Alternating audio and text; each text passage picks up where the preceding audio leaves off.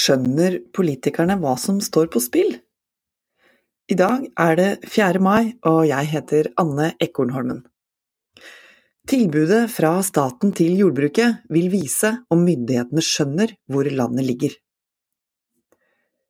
Tenk hva vi hadde vunnet ved at eksempel 20 gårder slo seg sammen til felles drift, fabulerer tidligere Oslo-ordfører Fabian Stang på Facebook. Høyrepolitikeren savner effektivisering og omstillingsvilje i jordbruket. Men kjære Fabian, lederen er Norsk Bonde- og Småbrukarlag, Tor Jakob Solberg, for å ta et eksempel, driver tolv gårder.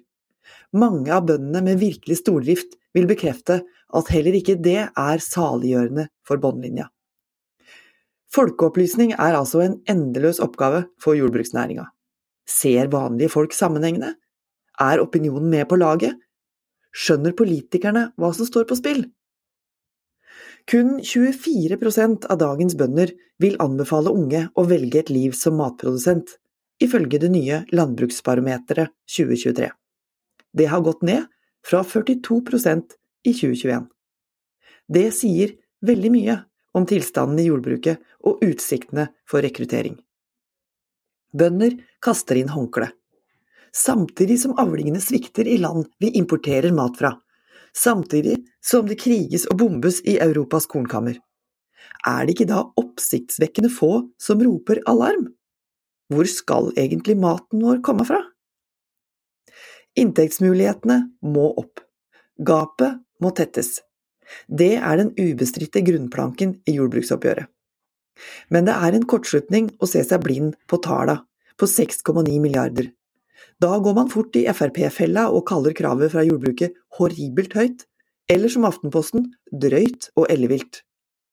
De overser glatt jordbruksnæringas samfunnspolitiske betydning, bredden i argumentasjonen som forklarer og begrunner hvorfor matprodusentene trenger levelige inntekter. Norsk jordbruk skal ikke bare skaffe mat på bordet gjennom bruk av naturgitte ressurser, Næringa er politisk styrt fordi den også er et instrument for å opprettholde og utvikle bosetting i distriktene, for ringvirkninger i næringsliv og industri, for å oppnå klimamål og trygge beredskap, matsikkerhet og totalforsvar. I fjor ramma kostnadsveksten bøndene hardt. Det rekordhøye kravet på 11,5 milliarder kroner og avtalen på 10,9 skapte overraskende lite motstand Folk hadde pandeminedstenging med bekymring for tomme dagligvarehyller friskt i minne. Krigen i Ukraina var høyt på dagsorden. Mange fikk en ny erkjennelse av skjøre internasjonale forsyningslinjer, at bøndene er livsviktige, og at sjølforsyning også er solidaritet. Forståelsen var stor, kommunikasjonen god, Bondeopprør 21 fikk gjennomslag, og folkeopplysningen hadde fungert. I år kjenner flere av oss dyrtida på lommeboka. Allikevel mener nesten 68% av de spurte i en undersøkelse Infact har gjort for nasjonen, at bondens økonomi må jevnstilles med andre i samfunnet.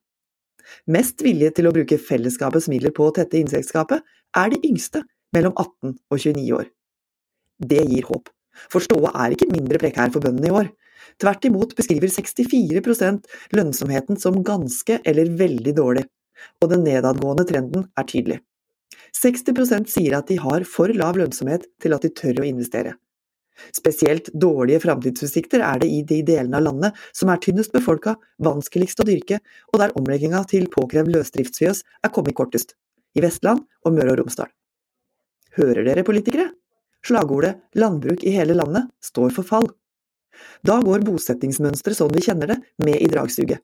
Norske lokalsamfunn og bygder forvitrer. Det blir lengre og lengre mellom bøndene, og jord blir liggende ubrukt og gror igjen. Kulturlandskap endres. Er det så nøye? Folk flest vil vel uansett bo i by? Vel, samme hvor de bor, så må folk ha mat på bordet.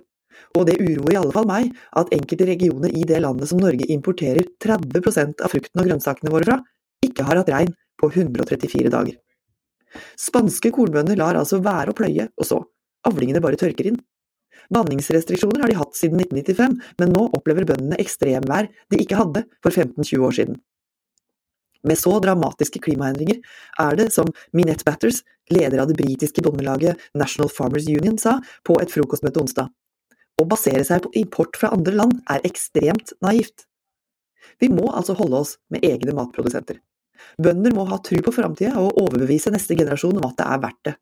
Inntekter må stå i stil med arbeidsinnsats. De må kunne hyre avløser når de er syke, få insentiver til klimatilpassing, investeringsstøtte til utvikling og velferdsordninger så de tør å bli gravide. Landbruksminister Sandra Borch veit at det koster, men hun bør også vite hvor landet ligger, og hva som står på spill. Jeg heter Anne Ekornholmen, og dette her er Nasjonen på øret. Hvis du vil høre flere av våre kommentarer lest opp, så finner du dem på nettsidene våre, nasjonen.no, eller der du hører på dine andre podkast. Ha det!